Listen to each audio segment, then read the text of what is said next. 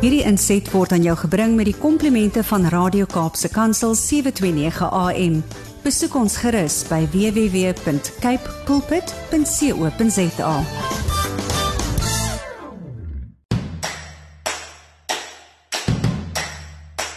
Dit is sopas 7 uur en dit is die 15de Oktober van 2022. Jy is ingeskakel by Radio Kaapse Kansel. Dit beteken jy luister na Landbou Landskap. Hartlike goeiemôre van my Willem van Jaarsveld, jou gasheer elke Saterdagoggend op hierdie sender tussen 7 en 8. Jy kan natuurlik na Radio Kaapse Kansel luister op 729 AM 72 9 MW maar ook wêreldwyd op die internet. Vanmôre 'n uh, hele interessante klompie geselsies en uh, om 10 minute oor 7 skop ons af met saad vir die saaier soos van uh, dit nou al 'n uh, instelling geword het. En ons lees vanmôre Job 2 verse 7 tot 10 en die tema die bron van alles. Nou Kapstok is om 7:20 aan die beurt En vandag begin ons gesels oor wyn, sommer al in Kapstok. Nou uh ons gaan 'n bietjie praat in Kapstok oor die wyndrink kultuur, onder andere, daar's daarom so een ander stukkie nuus ook wat ek met jou sal deel. En dan is daar 'n huis en hart wat om 7:30 begin in die eerste helfte 'n verdere gesprek oor wyn. En die gesprek is met dokter Karin Kutse oor die werk wat sy in die wynbedryf doen en die onderhoudvoerder is kollega Gerda Leroux. Nou as jy meer wil weet van Sauvignon Blanc, dan het dokter Karin Kutse vir jou ietsie te sê. So bly gerus ingeskakel vir daai gesprek. En dan in die tweede helfte van Huis en Hart gesels dokter Theo de Jager met Gerda oor manna vir die boere. Nou verkeerdelik dink 'n mens dat alle boere die afgelope seisoen baie goeie reën gekry het. Dit is egter nie so nie. Luister gerus. In stories van hoop omstreeks 10 voor 8, uh gesels ons vandag in aansluiting by dit wat ons verlede week die gedagte van hoe mens na die lewe en ander mense kyk, dan koppel aan dit wat ons vandag oor Job se gesindheid geleer het waarvan ons in saad vir die saaier gehoor het. In alle situasies is daar lig. Ons sê baie dankie aan Cape Pots varsprodukte met wie se komplemente landbou landskap natuurlik moontlik gemaak word. Ek nooi jou om met ons te gesels deur middel van ons WhatsApp en Telegram nommer 081 729 1657 Jy kan ook 'n SMS stuur na 37988 en per e-pos kan jy met my gesels by wilhelm@capepulpit.co.za. Hier op Landbou Landskap probeer ons om uh, vir jou 'n uh, wye landbouwêreld te skep met woorde. Ons het natuurlik nou nie die gerief van die beelde wat televisie en dies meer het nie, maar ons kyk na wat ons vir jou kan doen deur middel van dit wat ons gesels. En in die afgelope tyd het jy sekerlik kennis geneem van 'n klomp snaakse dinge wat ook met landbou te doen het. Ons weet daar sal weer 'n staking daar by die hawens en ons weet dat die aflewering van brandstoffe probleme is. Ons het eh, sopas gehoor dat een van die ministers ministers nou snaakse ideetjies het rondom wild wat op blaase voorkom en so is daar net altyd 'n legio van dinge wat in landbou gebeur. En ons probeer jou 'n kykie gee in daardie gedeeltes wat nie altyd so in die hoofstroom media ook gedra word nie. So bly gerus by ons ingeskakel en hoor dalk iets vars en nuut. Dit is nou tyd vir saad vir die saaier en ons tema vir môre die bron van alles. En ons lees Job 2 vers 7 tot 10. Daar staan: En die Satan het weggegaan van die aangesig van die Here en hy het Job met bose swere getref van sy voetsool tot sy skedel. En hy het vir hom 'n potskerf, dis nou Job, en hy het vir hom 'n potskerf geneem om hom daarmee te krap terwyl hy in die as sit. Toe sê sy vrou vir hom: "Volhard jy nog in jou vroomheid? Seën God en sterf." Maar hy antwoord haar: "Soos 'n dwaas praat jy? Die goeie sou ons van God aanneem en dan nie ook die slegte aanneem nie. By dit alles het Job nie gesondig met sy lippe nie. Dis 'n baie treffende gedeelte hierdie van die slegste wat met 'n mens kan gebeur, gebeur met Job. Hy het 'n vrou wat nie ondersteunend is nie, dis nie 'n raadgewer wat vir hom die positiewe uitwys nie, maar eerder vir hom sê man, waarom vloek jy God nie en kry klaar en dan's jy dood. Uh die woorde hier is nou waarom seën jy nie God nie, maar ander vertalings sê vloek. En as jy God gevloek het, slaat hy die mens dood en dan's alles tog oor en verby, maar Job sê vir haar, soos 'n dwaas praat, so praat jy. Want vir Job is dit 'n uitgemaakte saak. Ek is baie gou om die goeie wat die Here gee aan te neem. Ek neem dit met vreugde en blydskap aan en ek vra sommer vir nog meer. Maar hy sê, sal ek nie ook die slegte wat my pad langs kom dan aanneem nie. Want Job het een ding reg verstaan en dit is alles omstandighede nie so lekker nie. Met God is daar nie 'n fout nie. God bly God. Niks stoot hom van sy troon af nie. En as ons dit in ons hart sou hê om dit soos Job te sien, dan beteken dit dat selfs die slegste van omstandighede in ons lewens sal God nie van die troon van ons hart afhaal nie of laat val nie. Hy is daar. As hy daar gesit is deur jou geloof in Jesus Christus, dan sal hy daar wees in alle omstandighede. Kom ons bid. Vader, ons sê vir U dankie dat U 'n God van soliede godheid is. Een wat nie verander volgens ons omstandighede nie. Ons sê vir U baie dankie dat ons ons vertroue in U kan stel, maar ons vra, Here, ons het 'n verlosser nodig gehad en daarom het U U seun gestuur En Jesus, ons gebed is tot U, ook dat U in ons lewe 'n verandering sal bring, dat U in ons daai vaste vertroue sal sit, dit wat Job gehad het. Dit vra ons in Jesus naam. Amen. Alhoewel ons nie in Kapstok vandag gaan uh, tyd afstaan of tyd hê om te gesels oor uh, die dreigende staking by Transnet die uh, geweldige implikasies wat dit vir die landbou en dan nou ook vir die ekonomie gaan inhou nie. Uh ons gaan nie daaroor kan praat vandag nie, maar ons het eintlik so baie dinge wat gebeur in die landbou waaroor ons graag sou wou gesels het. Die back and close situasie uh wat nie noodwendig soveel beter is in die land nie, want uh mens meet daardie tipe van situasies aan hoeveel onopgeloste uh gevalle is daar nog in die land. En ons as ons daarna kyk dan sien ons alhoewel daar meer beweging deur die Vrystaat en in die Vrystaat toegelaat word is daar nie noodwendig soveel om oor uh, opgewonde bly te wees nie. Maar ons gaan wel net hierna in Kapstok 'n bietjie kyk na 'n wyndrink kultuur so bly ingeskakel. In Kapstok gaan ons vandag so 'n bietjie kyk na 'n uh, wyn. Ons gaan oor wyn gesels. Dit is weliswaar die eerste inset van 2 in hierdie program oor wyn. Maar voor ons by wyn kom, wil ek net vinnig verwys na 'n ander gebeurtenis wat hierdie week plaasgevind het en wat ons in die volgende week waarskynlik 'n uh, inset oor sal hê. En dit is die Agri Suid-Afrika Kongres wat in Pretoria plaasgevind het. Uh kongres wat natuurlik volgelaai was met uh politieke sprekers en ons sal probeer om dan met meneer Christo van der Rede te gesels oor die uitkoms van hierdie uh gebeurtenis, 'n baie groot gebeurtenis op die landboukalender in Suid-Afrika. Maar net hierna, 'n uh, kollega Gerda Leroux wat 'n bietjie gesels oor 'n wyndrinkkultuur en uh, dit met Dr Nadia van der Kolf uh, bly ingeskakel. Hulle is nou net hierna aan die aan die woord. Ek gesels met Dr Nadia van der Kolf, sy is die bestuurende direkteur van Consumer Solutions. Dr Nadia, dis altyd lekker om jou welkom te heet op ons program. Goeiedag. Goeiedag Gerda en goeiedag luisteraars. Dr Nadia in die vorige program het ons gesels oor die verbruikerspersepsie in wyn. Dit kom uit 'n blogreeks oor wynverbruikers vir die Soveel Blank Assosiasie. Vandag wil ek met jou praat oor Suid-Afrika se wyndrinkkultuur. Nou, het Suid-Afrika wyndrinkkultuur?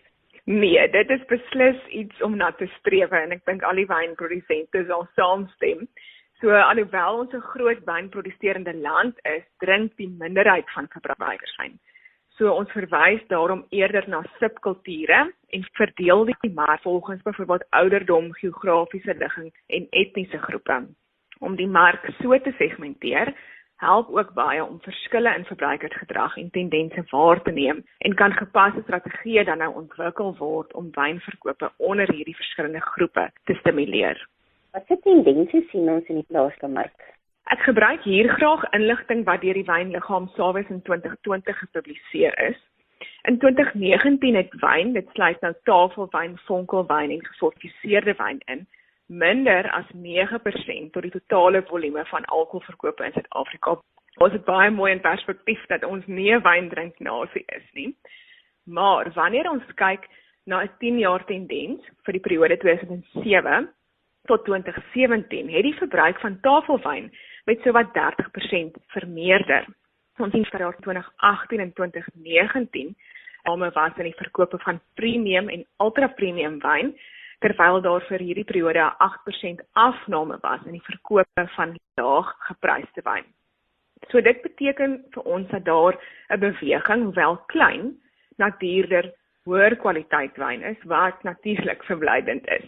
En dan 'n interessante tendens in die rosé kategorie verkies die meeste Suid-Afrikaners steeds soet of semi-soet maar van 2018 tot 2019 was daar 'n 17.5% afname in natuurlike soet rosé en 11.5% meer droë rosé is verkoop. Wanneer ons verder kyk na variëteitsspesifieke tendense, het Sauvignon Blanc verkope met 8% toegeneem van 2018 na 2019. En dit is meer as dubbel die hoeveelheid Sauvignon Blanc is vir hierdie periode verkoop as Merlot, wat die tweede meeste verkoop is. En ek dink dit plaas nogal die populariteit van Sauvignon Blanc in ons plaaslike mark mooi in perspektief. En ons sien hierdie positiewe tendens met volgehoue groei vir Sauvignon Blanc nou al oor 'n hele klompie jare. Watter Suid-Afrikaanse subkulture of groepe koop Sauvignon Blanc? Uit 'n vorige PhD-studie wat in 2018 aan die Universiteit Stellenbosch gedoen is, dui resultate daarop dat meer ervare wynverbruikers, asook die wat ouer as 30 jaar is, eerder Sauvignon Blanc drink as die onervare en jonger generasies. Ons gaan op 'n latere stadium gesels oor verbruikers se reis met wyn of die sogenaamde wine journey en dan verduidelik ons hoekom jonger verbruikers nie so baie Sauvignon Blanc drink nie. So om Sauvignon Blanc markandeel verder te vergroot, moet jonger groepe omsigtig geteken word. Nadia en as jy nou ons gesprek vandag sou opsom, watter belangrike punte sou jy uitlig? Gerda, ek sou sê Suid-Afrikaners het nie 'n wyndrinkkultuur nie. Ons is maar 'n bierdrinknasie, maar die huidige wyndrinkers hou definitief baie van Sauvignon Blanc. Dit is egter nie so gewilde keuse onder die jonger, onervare wyndrinkers nie. En ons kan dit verduidelik deur dikwels begin mense en jong mense wanneer hulle die eerste keer wyn drink, wil reis met wyn of hulle wine journey met soeter wyn en dit is dan nou duidelik ook in die populariteit van rosé en die soeter rosé wyn. Waar kan jy gekontak word vir verdere inligting? Luisteraars kan gerus my webtuiste besoek by www.consumersolutions.co.za. Ons het sopas gehoor van 'n wyndrinkkultuur. Nou ek weet nie eh, as jy nou lank genoeg in die Weskaap bly en jy is al half gewoond aan al die wynroetes wat hier is en al die wynproe en al die dingetjies wat daarmee saamgaan, dan uh, sien jy dalk nie alles meer so raak nie, maar ek wil vir jou sê as uh, jy van 'n uh, ander deel van die land af kom, dan val die kultuur van wyn en alles wat rondom wyn gebou en ge uh, gepak word, wil ek amper sê kaas en wyn en braaivleis en wyn en dis meer, dan val dit jou op. En daarom is dit so interessant dat ons vanoggend 'n bietjie moes tyd maak om oor wyn kultuur te gesels en dan die volgende inset. Die eerste gedeelte van Huis en Hart gaan dan ook oor wyn en dalk is dit reg so dat ons so 'n bietjie vanmôre stil staan by hierdie belangrike produk van die Weskaap. Dr Karin Kutse, direkteur van Basic Wine. Dr Karin, dis lekker om weer met jou te gesels. Hartlik welkom. Goeiedag Gerda, goeiedag luisteraars. Dr Karin, hoe besluit wynmakers of 'n skroefdop of 'n kurk gebruik moet word tydens bottelering? Dit is verder interessant. Die eerste manier hoe wynmakers eintlik besluit wat se sluiting om te gebruik vir die bottels sal maar afhang van die verbruikers en die mark waarheen die bottels gaan. So die skroeftop is eintlik nogal relatief nuut in die industrie.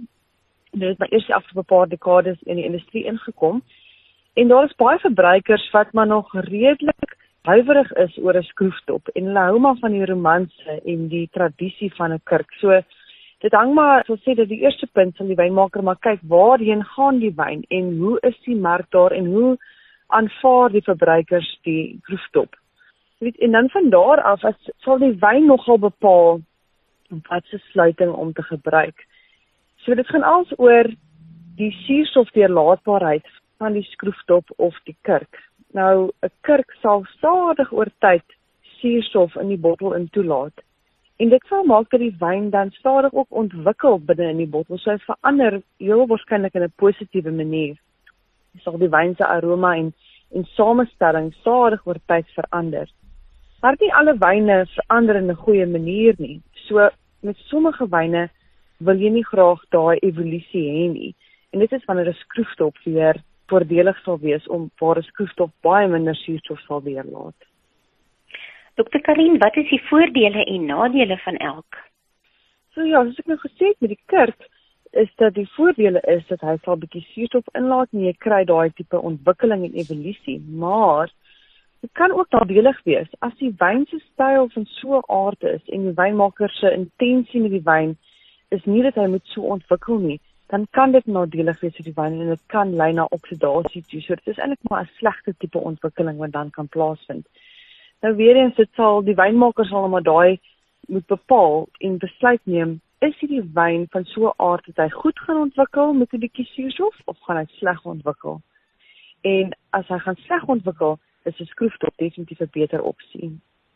Die nadeel van 'n skroeftop is en dit is nou nogal 'n ingewikkelde storie, Maar as ek dit nou in 'n neutedop net kan verduidelik, is dit 'n skroeftop omdat hy nou weer baie min suurstof deurlaat, kry ons 'n ander tipe reaksie in wyn. So hy ontwikkel nie met suurstof nie, maar dit kan gebeur in sommige omstandighede dat die wyn te reduktief is. Nou dit is eintlik nou maar die teenoorgestelde van oksidatief is reduktief. En wat dan gebeur is mens kry 'n baie onaangename aroma en smaak in die wyn wat eintlik maar 'n amper sien nou tipe van 'n vrot eier of of hulle noem dit 'n gekookte groente reek kry. Maar 'n wynmaker behoort dit darm te kan beheer tot 'n mate. Maar ja, daar is 'n nadeel, daar skroeftop is nie net voordelig nie, dit kan ook nadelig wees afhangende weer eens van die inherente komposisie van die wyn. Dokter Karine, ek weet jy skryf ook 'n blog. Wat bespreek julle alles daar? Ja, so ek skryf 'n blog vir die Sauvignon Blanc Suid-Afrika, die assosiasie wat Sauvignon Blanc bemark en promoveer. En ek moet sê dis 'n taak wat ek baie geniet. So dit gaan maar eintlik oor om akademiese inligting te vat en dit om te skakel in 'n manier te verduidelik in 'n skryfstuk vir wynmakers sodat hulle die inligting kan gebruik. Wat ons baie keer sien is dat navorsers doen ongelooflik baie baie interessante navorsing maar die goeie word gepubliseer in baie hoogs wetenskaplike taal en in wetenskaplike joernale. So die wynmakers het nie altyd toegang tot hierdie inligting nie en selfs al het hulle toegang gehad, dan kan hulle dit nie altyd verstaan en interpreteer nie. So wat ek probeer doen is ek vat van daai inligting en ek omskryf dit en ek haal net die belangrike inligting uit vir die wynmaker wat die wynmaker kan gebruik en ek skryf dit oor in 'n blog so dit is 'n baie bevredigende werk en baie interessant en altyd op datum wees vir die nuutste navorsing en seker maak vir die wynmaker het dit. Maar dit is ook nie net vir wynmakers nie. Ek probeer ook skryf op 'n manier dat dat enige iemand eintlik maar die blogs kan lees en dan hopelik tot 'n mate verstaan. En sommige blogs is daar meer vir die verbruiker georiënteer ook. So ek moet sê dit is vir my baie interessante en bevredigende taak om te doen om hierdie blogs te skryf. En dan wil ek bietjie inligting by jou hê oor die Concours Mondial de Sauvignon wat volgende jaar plaasvind hier in Suid-Afrika. Dit is die eerste keer dat hy in Suid-Afrika plaasvind, nê? Nee? Ja, dit is en ons is baie opgewonde oor die kompetisie en al die beoordelaars wat ons land gaan kom besoek. Ons nooi hier rondom 60 beoordelaars van reg oor die wêreld wat Sauvignon Blanc goed ken en baie lief is vir Sauvignon Blanc en hulle gaan dan hiernatoe kom en hulle gaan al die inskrywings beoordeel. En hierdie inskrywings is ook van reg om die wêreld te sien, net Suid-Afrikaanse wyne nie. En dis wyne reg oor die wêreld wat kom. Ek dink ons al dink ons gewoonlik so net oor 1000 inskrywings. En hulle spandeer dan die oordelaars spandeer dan 3 of 4 dae hierso in Suid-Afrika en hulle gaan weet in die oggende beoordeel hulle die wyne en dan in die middag gaan wys ons vir hulle die land, ons gaan wys vir hulle ons wynarea of die wynlande en jy weet ons kultuur en kos en ja, ons wys net vir hulle bietjie meer waaroor Suid-Afrikaanse wynindustrie gaan. En baie van hierdie beoordelaars is byvoorbeeld wynskrywers of joernaliste of wynaankopers. So die idee is om net vir hulle meer blootstelling te gee en vir hulle absoluut net veral bloot te stel aan Suid-Afrikaanse Sauvignon Blanc. En dan nou jy laastens, het jy 'n boodskap aan ons verbruikers asseblief? So ek dink ek wil net graag vir die Suid-Afrikaanse Sauvignon Blanc verbruikers net op sê, weet, ons kan ongelooflik trots wees op die Sauvignon Blanc wat in Suid-Afrika gemaak word. Elke jaar by al die kompetisies doen ons ongelooflik goed en ons het ook nou gesien in die top 10 kompetisie van Suid-Afrika die ongelooflike goeie kwaliteit wyn wat ons produsente oplewer. So dit is ek sal definitief sê dat ons verbruikers kan ongelooflik trots wees en weet dat ons wyne staan baie sterk met ons internasionale kompetisie. En dan ook met die sonnetjie wat nou bietjie meer uitkom en somer is op pad. Sauvignon Blanc is absoluut 'n wyn wat eintlik maar regte die jaar gedrink kan word en eintlik maar met enige kos gedrink kan word, maar ek moet sê veral met somer wat op pad is, sien ek ook self ook baie uit daarna om net 'n lekker glasie Sauvignon Blanc te skink. Dr. Karin, dankie dat jy met ons gesels het en dankie vir al die inligting wat jy met ons gedeel het. Ons het so baie geleer oor skroefdoppe en kurk wat gebruik word en waarom dit gebruik word. Nou vir verdere inligting, waar kan jy gekontak word? As enige iemand die Samuel Blank Suid-Afrika wil kontak, ek gaan die webwerf gaan besoek www.samuelblank.com en daarso is ook al my blogs wat ek daar gepubliseer en my kontakbesonderhede is daar ook beskikbaar my e-posadres. Enigiemand is welkom om my te kontak as hulle enige vrae het oor wyn of oor Sauvignon Blanc. Nou ja, toe daar het jy dit 'n uh, lekker gesprek. Twee dames wat sommer lekker oor wynsake gesels het. Ja, tot hier toe het ons nou sommer al 'n hele mond vol, of sal ek sê, 'n bottel vol oor wyn te praat gehad. As jy meer wil weet, jy het die webtuiste waarna Dr. Kutsie hier verwys het. Gaan maak gerus daar 'n draai, maar bly ingeskakel vir die res van ons program. Theo de Jager is die voorsitter van SAI, 'n familieboernetwerk wat 'n aktiewe rol speel in die uitvoer van daadwerklike strategiese oplossings en hulle beywer vir landbouvriendelike toekoms. Theo, baie welkom op ons program. Baie dankie Gerda. Goeiedag aan al jou luisteraars ook en dankie dat jy vir ons geleentheid gee op jou platform. Net so kortliks vertel vir ons julle doelstellings daarby SAI. Ek het dit nou so kortliks genoem, maar kan jy vir my uitbrei daarop? Graag ja. Kyk, Saai is 'n netwerk vir familieboere wat dit veilig het vir gesinne wat 'n lewe maak uit 'n plaas uit. Al ons aktiwiteite, al ons veldtogte, ons hele begroting is daarop gefokus om familieboere op hulle plase te hou. Want 'n familieboer op 'n plaas gee lewe aan klein dorpies en skep 'n landelike alternatief vir stadslewe. Daarom is ons ook baie betrokke by die lewe van klein dorpies en spandeer ons baie tyd en baie geld om klein dorpies staande te hou. Piel en dan is julle ook betrokke by Manna vir die boere. Kan jy vir my 'n bietjie uitbrei oor hierdie betrokkeheid? O ja, kyk, Manna vir die boere is waarskynlik die grootste en die breedste vennootskap van organisasies wat rampel kan verskaf aan boere in die geskiedenis van ons land buite nou die staatsdiens. En dit gaan daaroor dat die staatsdiens nie meer daardie funksie vervul nie. En eintlik die staat se kapasiteit om rampel te doen het luisterryk in duie gestort. Maar daar is min dinge wat so brutaal 'n einde kan maak aan die verhouding tussen 'n familie en 'n stuk grond, soos wat 'n haalstorm dit kan doen of 'n vuur of 'n droogte of 'n vloed. En daarom was dit gebiedend noodsaaklik dat ons gaan kyk hoe kan ons die kapasiteit wat buite die staat bestaan, of dit nou welsynorganisasies is of dit donateursgroepe is of dit landboustrukture is, hoe kan ons dit verpool om so doeltreffend as moontlik rampehulp te verleen aan rampgetuisterde gebiede. En manne vir die boere het so tot stand gekom. Daar's so 'n stuk of 8 organisasies wat betrokke is. Die een sal byvoorbeeld toegang kry tot melasse of tot bale, sê nou maar in Noord-Natal. 'n Ander een het dalk 'n manier om daardie voer skenking te kry van Noord-Natal tot in Durban en 'n volgende ou het dalk 'n geleentheid daarvoor tot in Johannesburg of Pretoria en dan kyk ons nou net of ons dalk 'n geldjie bymekaar kan sit om dit van Johannesburg af tot in die Karoo kan kry of tot in die Oos-Kaap waar die probleem is. En deur so saam te werk, het ons al meer as 1000 interlink vragte se voer oor die afgelope jaar, jaar en 'n half geskuif na rampgetuisterde gebiede en is ek baie trots om te sê het ons al honderde families op hulle plase gehou wat andersins hulle plase sou verloor het. Tio en dan is dit ook so dat daar nou goeie reën geval het maar in die Noord-Kaap is daar nog baie groot droogte en groot hulp is nodig daar. Is ek reg? Jy weet dit reën in stroke en en dit reën ook nie gras of vee nie. As daar nie opvolgreën is nie, dan herstel die veld ook nie soos dit moet uh, herstel nie.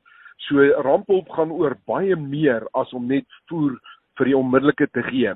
'n Mens moet daardie gesinne weer op hulle voete kry. Hulle moet weer 'n winsgewende besigheid kry uit hulle bokke of uit hulle skape op die veld. En dit is so daai stroke wat dit reën, mis sekere plase. Daar is nog groot stroke in die Noord-Kaap wat in dieselfde knellende droogte is wat hulle in die afgelope 8 jaar was. En dan dan natuurlik distrikte soos by die Klein Karoo. Oudtshoorn kan ek vir jou sê het moeilikheid hoor. Ek het verlede week met 'n ligte vliegtuigie daaroor gesirkel om te kyk hoe lyk die landerye en hoe lyk die broeivoëls, die volstruise. Ek ek is bitter bitter jammer vir die Oudtshoorn boere sonder hulp van buite gaan die hele distrik dit nie oorleef nie. Tuna, hoe kan ons van ons kant af help en ons luisteraars, hoe kan ons 'n verskil maak? Weet jy gerad, die kuns is om 'n bruggie te bou tussen die huidige krisis waarin boere hulle self bevind en die situasie waar hulle weer op hulle eie voete kan staan. Met ander woorde na goeie reën met opvolgreën. En daai bruggie het 'n paar verskillende stene. Daar is onmiddellike hulp nodig, byvoorbeeld om voer afgelaai te kry by 'n boer wat nog 50 skape oorhou wat hy weer moet uitbou in 'n besigheid en as dit nou eers gereën het. Daar is baie dikwels 'n nood aan lewensmiddels. Ek gaan eendag nog 'n boek skryf oor die trane van vreugde wat ek in my lewe beleef het as mense 'n boks kry wat hulle oopmaak en daar staan 'n paste en seep en 'n klompie kruideniers in, want daar's regtig boere wat dit nie het nie. En dan is daar 'n klompie planne wat 'n ou moet maak rondom die finansiering om boere weer op hulle voete te kry. Onthou, so 'n boer is nou oortrek op sy oortrokke fasiliteit en by sy fasiliteit by die koöperasie en hy kan nou nie meer verder geld leen by die bank nie. Ons het 'n klomp innoverende maniere. Byvoorbeeld 'n skaapbank wat ons begin waar ons vir so 'n boer 'n klomp skape op sy grond sit wat van beleggers afkom en dan is al die oetjies wat gebore word op sy plaas 'n syne waarmee hy verder kan boer. Maar die rammetjies wat so min of meer 50% van die aandeel is, bly die van die belegger. En dit help eenvoudig so 'n boer om wanneer dit gereën het dadelik weer op kapasiteit te begin boer waar hy andersins 4, 5 jaar sou vat om weer behoorlik op sy voete te kom. So daar's baie maniere hoe hulle gehelp kan word en daar's baie meer te lees oor hierdie maniere waarvan die meeste op ons webtuiste in saai is. Kan jy vir ons daai webtuiste se adres gee asseblief? Daai webtuiste is www.saai.org. En dan nou 'n laaste vraag hierso. Het jy 'n boodskap aan ons land se boere asseblief? As COVID niks anders reg gekry het nie, het dit vir ons geleer dat die mens kan eintlik oor die weg kom sonder die meeste van goed wat ons gedink het essensieel vir ons bestaan is, maar ons kan nie oor die weg kom sonder kos nie. As jy in die bedryf is om kos te produseer, is jy nog steeds in die regte bedryf. Ons het 'n blink toekoms vir landbou in ons land oor vier redes. Die belangrikste rede is omdat ons regtig geseën is met 'n land wat baie kompeterend is, boere wat uiters kompeterend is, nie net plaaslik nie, maar ook in die buitelandse markte. Maar nog belangriker as dit, hier's 'n nuwe geslag jong mense met groot sterre in hulle oë oor die toekoms van landbou en dis knap jong mense. Die skerpste jong mense kies deesdae 'n platlandse bestaan. Maar daar's nog 'n belangrike rede. En dit is dat ons kan nie die produksie van kos in iemand anders se hande laat nie. Voedselsekerheid was nog altyd op 'n stewige fondasie in Suid-Afrika En die feit dat ons beleidsomgewing 'n bietjie teen ons werk op die oomblik en dat ons in 'n regering sit wat nie altyd vriendelik is teenoor landbou nie, maak nie dat daar nie potensiaal in landbou is nie. Ons moet die moeilike beleidsomgewing net oorleef.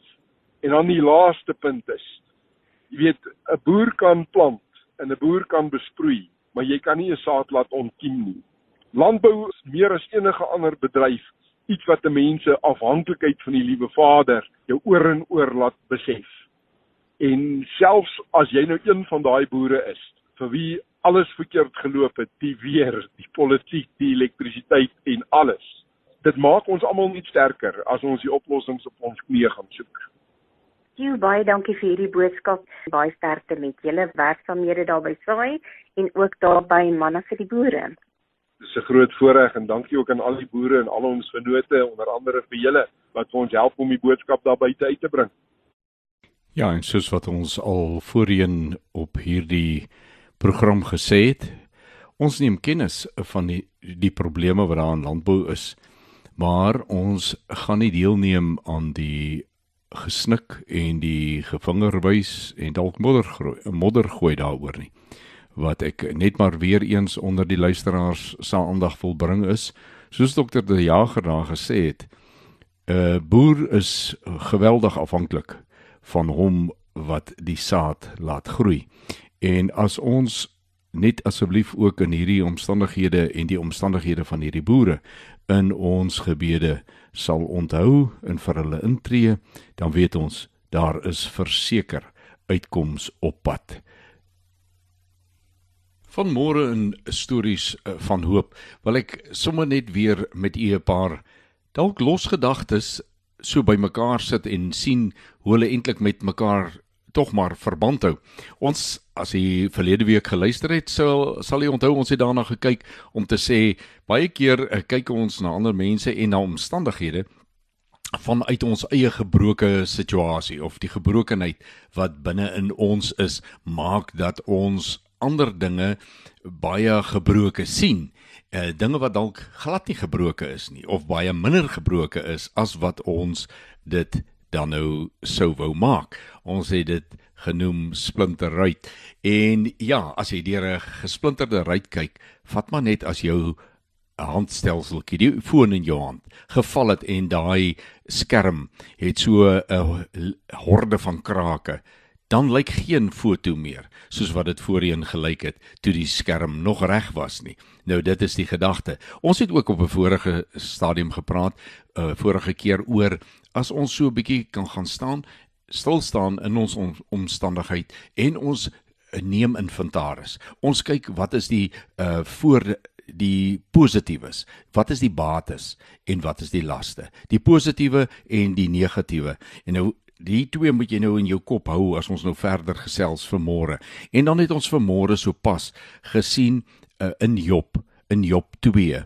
Die geweldige situasie waarin Job was, eintlik 'n uh, verskriklike mistroostige, 'n uh, baie uh ek wil amper sê 'n omstandigheid wat jou vreugde kan steel, maar in baie gevalle steel dit nie net vreugde nie, dit steel ook 'n mens se geloof. Dit steel jou hoe jy na jouself kyk, hoe jy na die mense naaste aan jou kyk, hoe jy na jou godsdienstbelewing kyk ensovoorts ensovoorts. Maar ons sien dat in Job se geval het ons toe nou nog 'n ander komponent bygesit.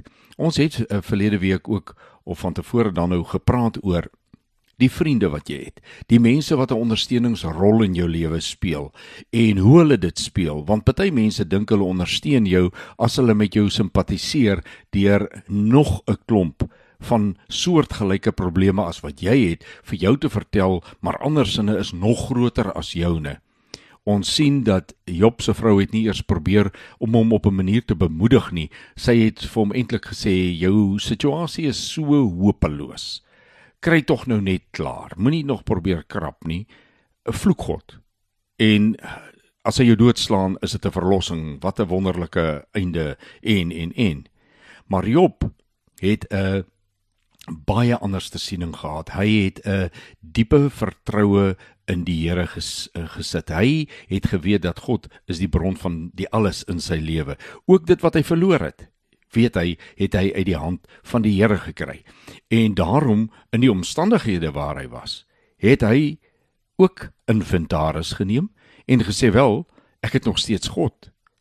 Dis dalk al wat ek het.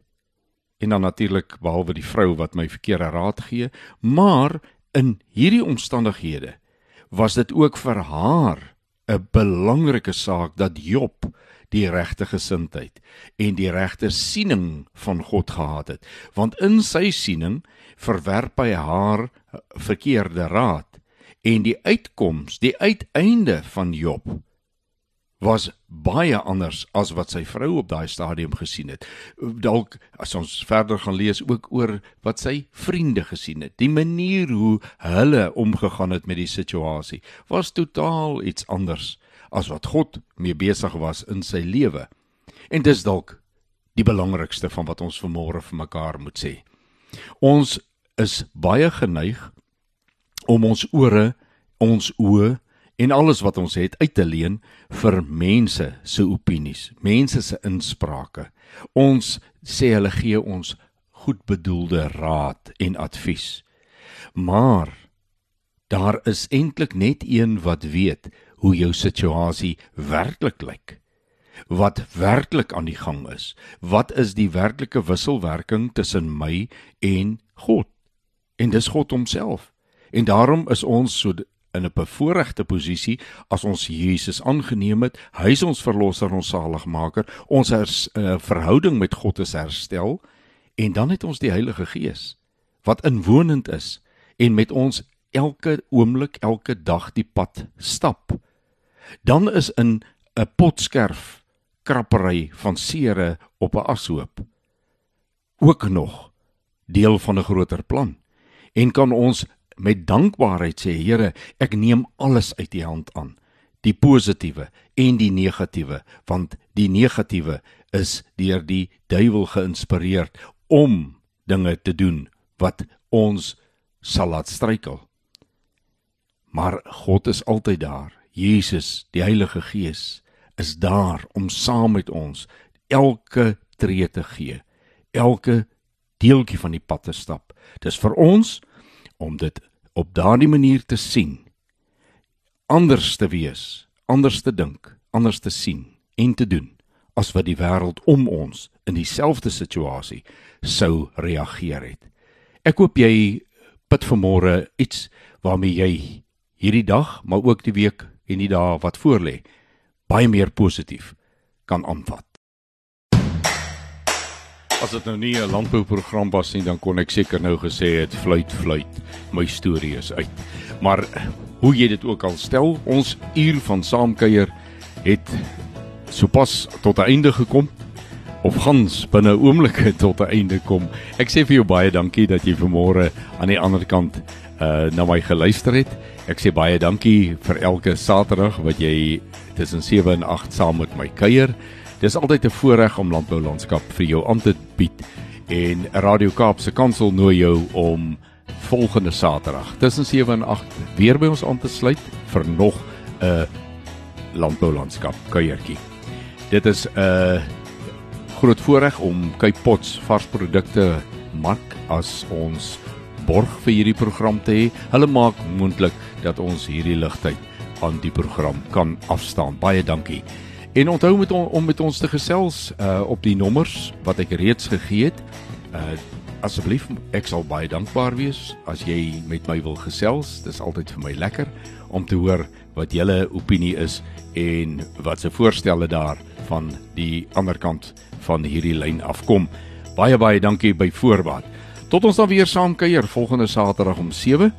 Groet ek Willem van Jaarsveld en mag jy elke oomblik Vader se guns op jou lewenspad beleef. Wederom.